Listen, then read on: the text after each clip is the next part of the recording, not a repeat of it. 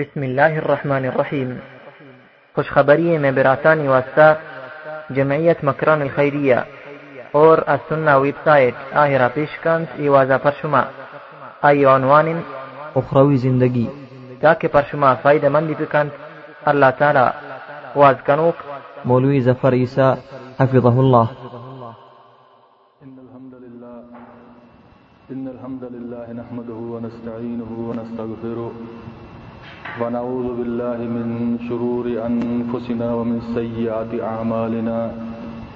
من يهده الله فلا مضل له، ومن يضلل فلا هادي له.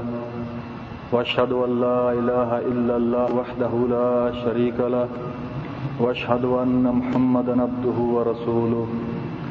اللهم صل على محمد وعلى ال محمد كما صليت على ابراهيم وعلى ال ابراهيم انك حميد مجيد. اللهم بارك على محمد وعلى ال محمد كما باركت على ابراهيم وعلى ال ابراهيم انك حميد مجيد. اما بعد فان خير الحديث كتاب الله وخير الهدي هدي محمد صلى الله عليه وسلم. وشر الأمور محدثاتها وكل محدثات بدع وكل بدعة ضلالة وكل ضلالة في النار. أعوذ بالله السميع العليم من الشيطان الرجيم. من همزه ونفخه ونفخه بسم الله الرحمن الرحيم. تلك الدار الآخرة. نجعلوها للذين لا يريدون علوا في الأرض ولا فسادا. والعاقبة للمتقين. رب اشرح لي صدري ويسر لي أمري واحلل عقدة من لساني يفقهوا قولي. رب أعوذ بك من همزات الشياطين وأعوذ بك رب أن يحضرون. حمد و ثنا اور درود و سلام رند اللہ رب العزت وتی مقدس کلامتوں کا ارشاد فرمائیں۔ تل دال آخرہ کہ اخروی زندگی کئی حقائیں کجام مردم آروچی جی کامیاب بیاں کجام مردم آروچی جی کامران بیاں سرخرو بیاں اللہ رب العزت فرمانی نجعلوها للذین لا يريدون علوا في الارض ولا فسادا، کہ اخروی زندگی ہما مردمانی حق ہیں ہما مردم آروچی کامیاب بیاں، لا یریدون علوا فی الارض، کہ اللہ زمین سرا وطارہ مزن نہ سمجھا، وطارہ عالی نہ سمجھا، ولا فسادہ اور نہ ہی اللہ زمین سرا آ مفسد بنا، فساد کنا ولاقبت للمتقین اس صحیح عاقبت، شر انجام۔ یہ اما مردمانی بھی کہ آ اللہ چترسا اللہ سبحانہ و تعالی وتی فرمان تو کا،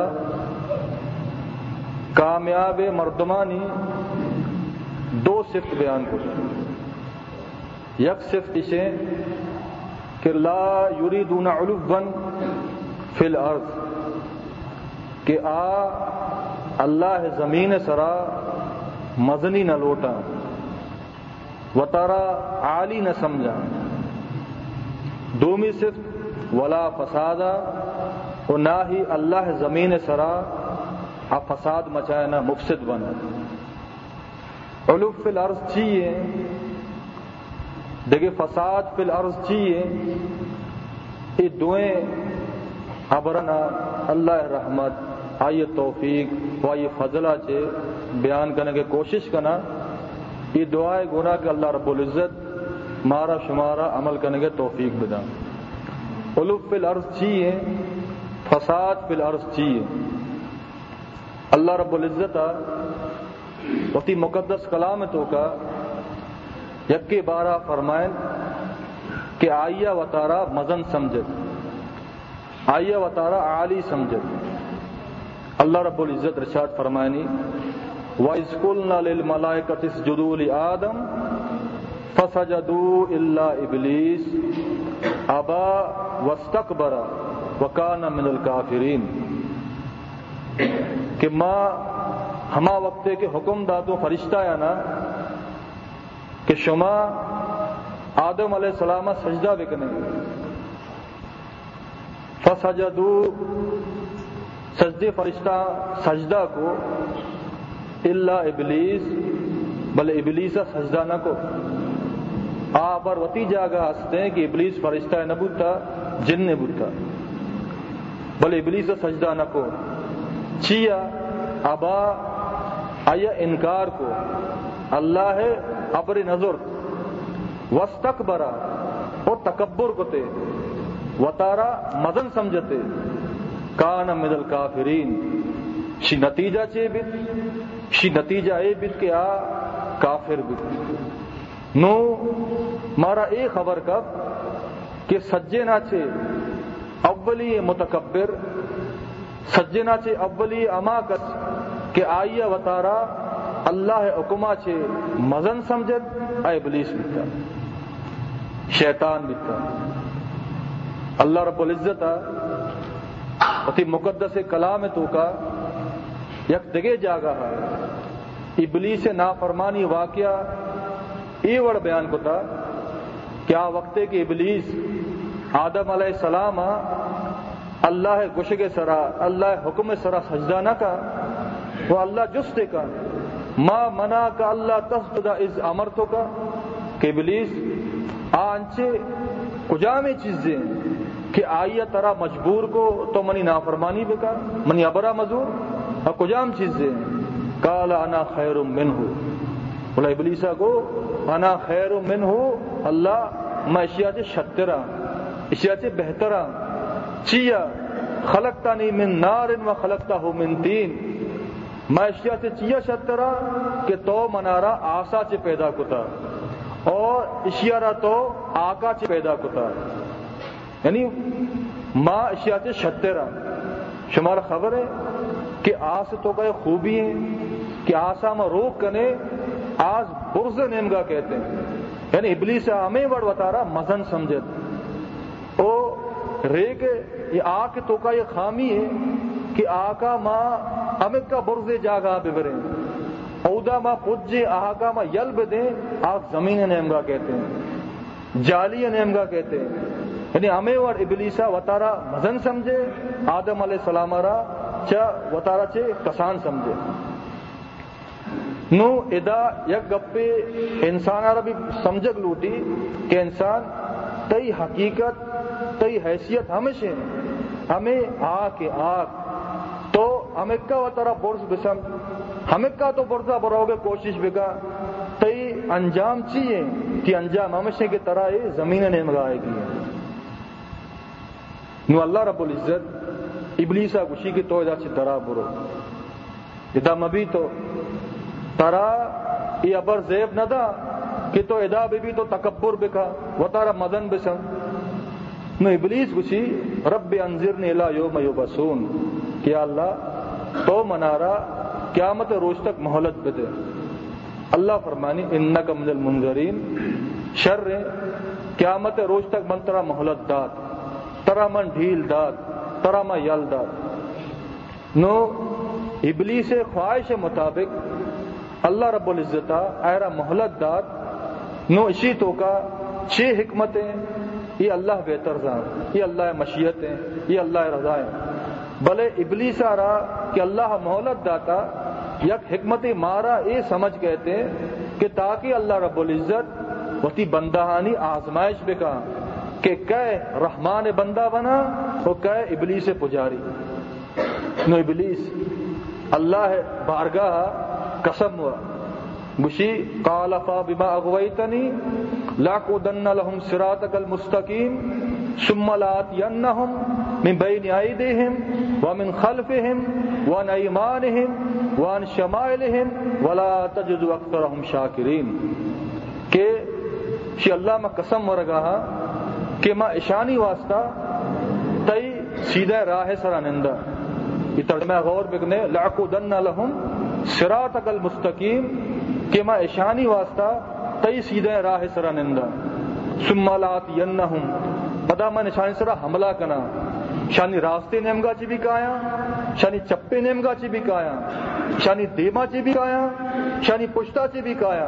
یعنی ایچ ورڈ میں شانا یالا ندیا یل ندیا میں شانا۔ چی مطلب اسی؟ اسی مطلب اسے، ما ہر شر راہ سرا ہوں نندا وہ ہر غلط راہ سرا ہوں نندا۔ شر راہ نندا چی کنا؟ ما شر راہ سرا نندا شریا اے مردمانی دیما امی وڑما مشکل پیش کنا امی وڑما گران پیش کنا کہ شری سرا عمل کنگا بھلائی سرا عمل کنگا اے مردم تکلیف محسوس کنا، مشقت محسوس کنا، لج محسوس کنا۔ وہ غلطی رائے سرا نندا، غلطی چیزا اشانی دیما۔ انچو ما آسان کنا پیش کنا، انچو خوبصورت کنا پیش کنا۔ کہ غلطی چیزیں سرا کنگا ایچ قسم مشکت، ایچ قسم آر ایچ قسم تکلیف محسوس نہ کنا آخرہ گشتے ولا تجد اکثر ہم شاکرین کہ اللہ، یہ بندہ نہیں توگا تو اکثر بندہ ہاں شکر گزار نگن دے یعنی اکثر بندہ تی نا شکرہ بیا بعض مفسرین ہاں، ادا کے شاکرین یک ترجمہ مواحدین کو تھا پر یہ صورتہ مانا یہ بھی۔ کہ یا اللہ، تی بندہ نہیں تو کا، اکثر بندہ اب مواحد نبیا یعنی اکثر بندہ اب مشرق بیا اب مواحد نبیا اللہ رب العزت ارشاد فرمانی، لقد صدق ابلیس ظنه فتبعوه الا فريقا من المؤمنین۔ کہ ابلیس وتی گمان اور راست کو پیش داشت فتبعوه الا فريقا من المؤمنین، کہ مومنانی یک گروہ علاوہ یک جماعت علاوہ باقی سجے انسانیت ابلی سے پوچھتا شدہ سجے انسانیت۔ نو ہر کس کے ابلی سے وڑا اللہ رب العزت نافرمانی کا، اسی واسطہ دار آخرت نے تلک دار الاخرہ، نجعلوها للذین لا يريدون علوا في الارض ولا فسادا۔ دار آخرت مردمانی واسطہ بھی کہ آ، اللہ زمین سرا، وہ تارا مزن نہ سمجھا۔ چی چیزا تھی وہ تارا مزن نہ سمجھا۔ وہ تارا اللہ رب العزت احکامات تے مزن نہ سمجھا۔ وہ تارا اللہ رب العزت فرامینا تے مدن نہ سمجھا۔ اللہ سبحانہ و تعالی ہوتی مقدس کلام تو کا ایک دگیر بارہ فرمائے کہ آئیا بھی وہ تارا مزن سمجھے۔ آئیا بھی وہ تارا عالی سمجھے۔ کہے، فرعون فاشرف نادا فقال انا ربکم العالی۔ کہ فرونا وتی قبیلہ مردمانا وتی رعایا سجنانا جمع کو اور آیا نہیں بچا یہ اعلان کو، انا ربکم العالی، کہ مردما شمع سجنا جی مستر رب، اعلی رب، امنا۔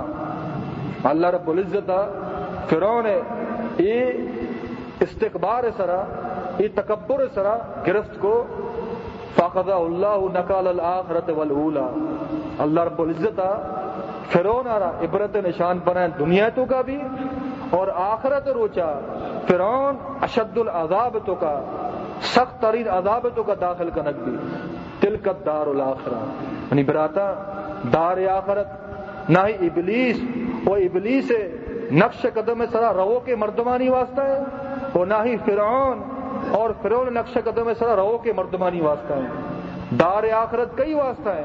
بلا من اسلم وجہ للہ وہ محسن فلہ اجرہ عند ربہ ولا خوف علیہم ولا هم يحزنون کہ بلا من اسلم وجہ للہ کہ آؤ ہاکس کے آ سپرد کا اللہ ہے۔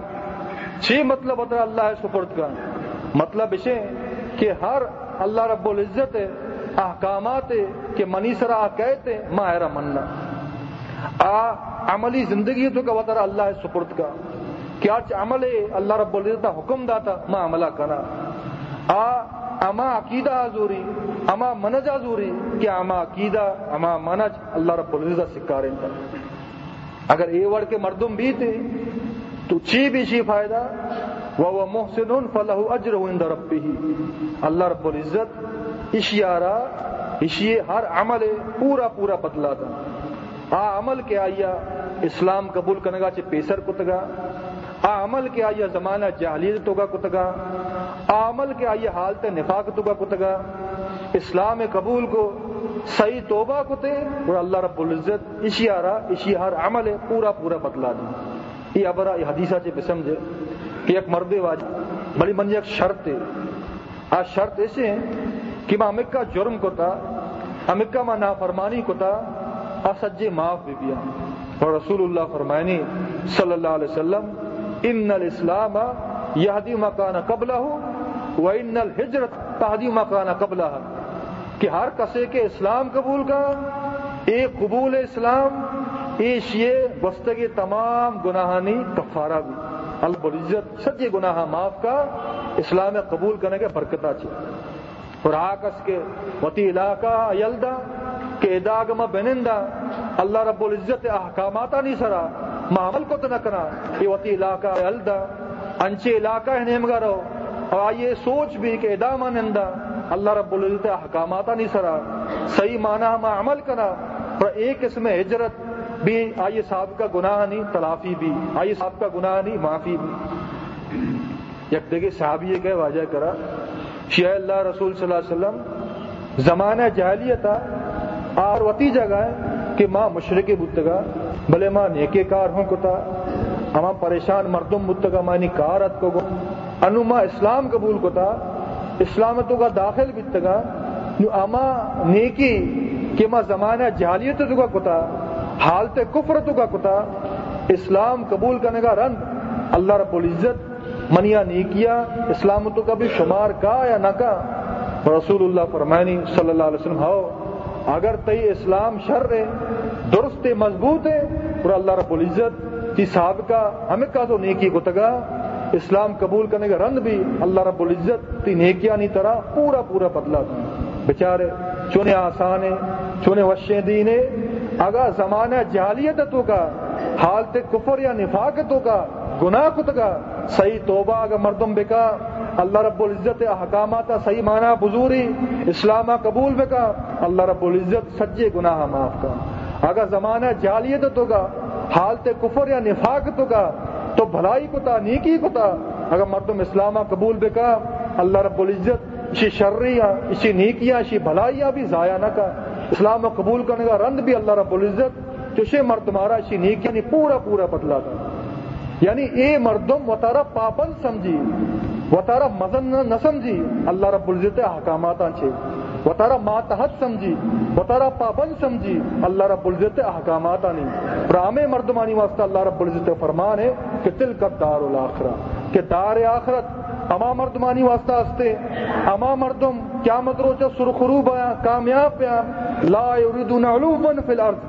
کہ اللہ زمین سرا و تارا مزن نہ سمجھا چی چیز عزت وطر نہ سمجھا۔ اللہ رب العزت احکامات جی وطر وزن نہ سمجھا۔ ولا فسادا اور دار آخرت اما مردمانی واسطہ ہستے کہ اللہ زمین سرا اب فساد نہ کنا اب مفسد نہ بنا۔ منی براتا زمین سرا فساد، یہ وقت موتانا، جنگ و جدالت سے پیدا نہ بھی، خالی۔ زمین سرا فساد، خالی وقت موتانا خوش تو ہونا چ پیدا نہ بھی۔ بل حقیقی معنی ہے زمین سرا فساد اللہ رب العزت نا نافرمانیاں چ پیدا بھی یک مردم، یک گناہ کار کا، اللہ نافرمانی کا اشیاء چ زمین سرا یک فتنہ جوڑ بھی یک فساد جوڑ بھی ایک دگے مرد میں اللہ نافرمانی کا اشیاء چ زمین سرا دگے فساد دگے فتنہ جوڑ بھی اللہ رب العزت فرمان ہے زار الفساد فی البر والبحر بما کسبت ایدی الناس. کہ انسانانی کی آبادی ہے ہما آبادی کہ سمندرانی کرا ہستے سمندرانہ تریا اما آبادی کے خشکیاں نہ، ایک آبادیاں نہیں تو کا انسانانی آبادی تو کہ فساد ہے اے فساد، بما کسبت اے دن ناس مردمانی وتی، غلطی عملانی وجہ سے ہستے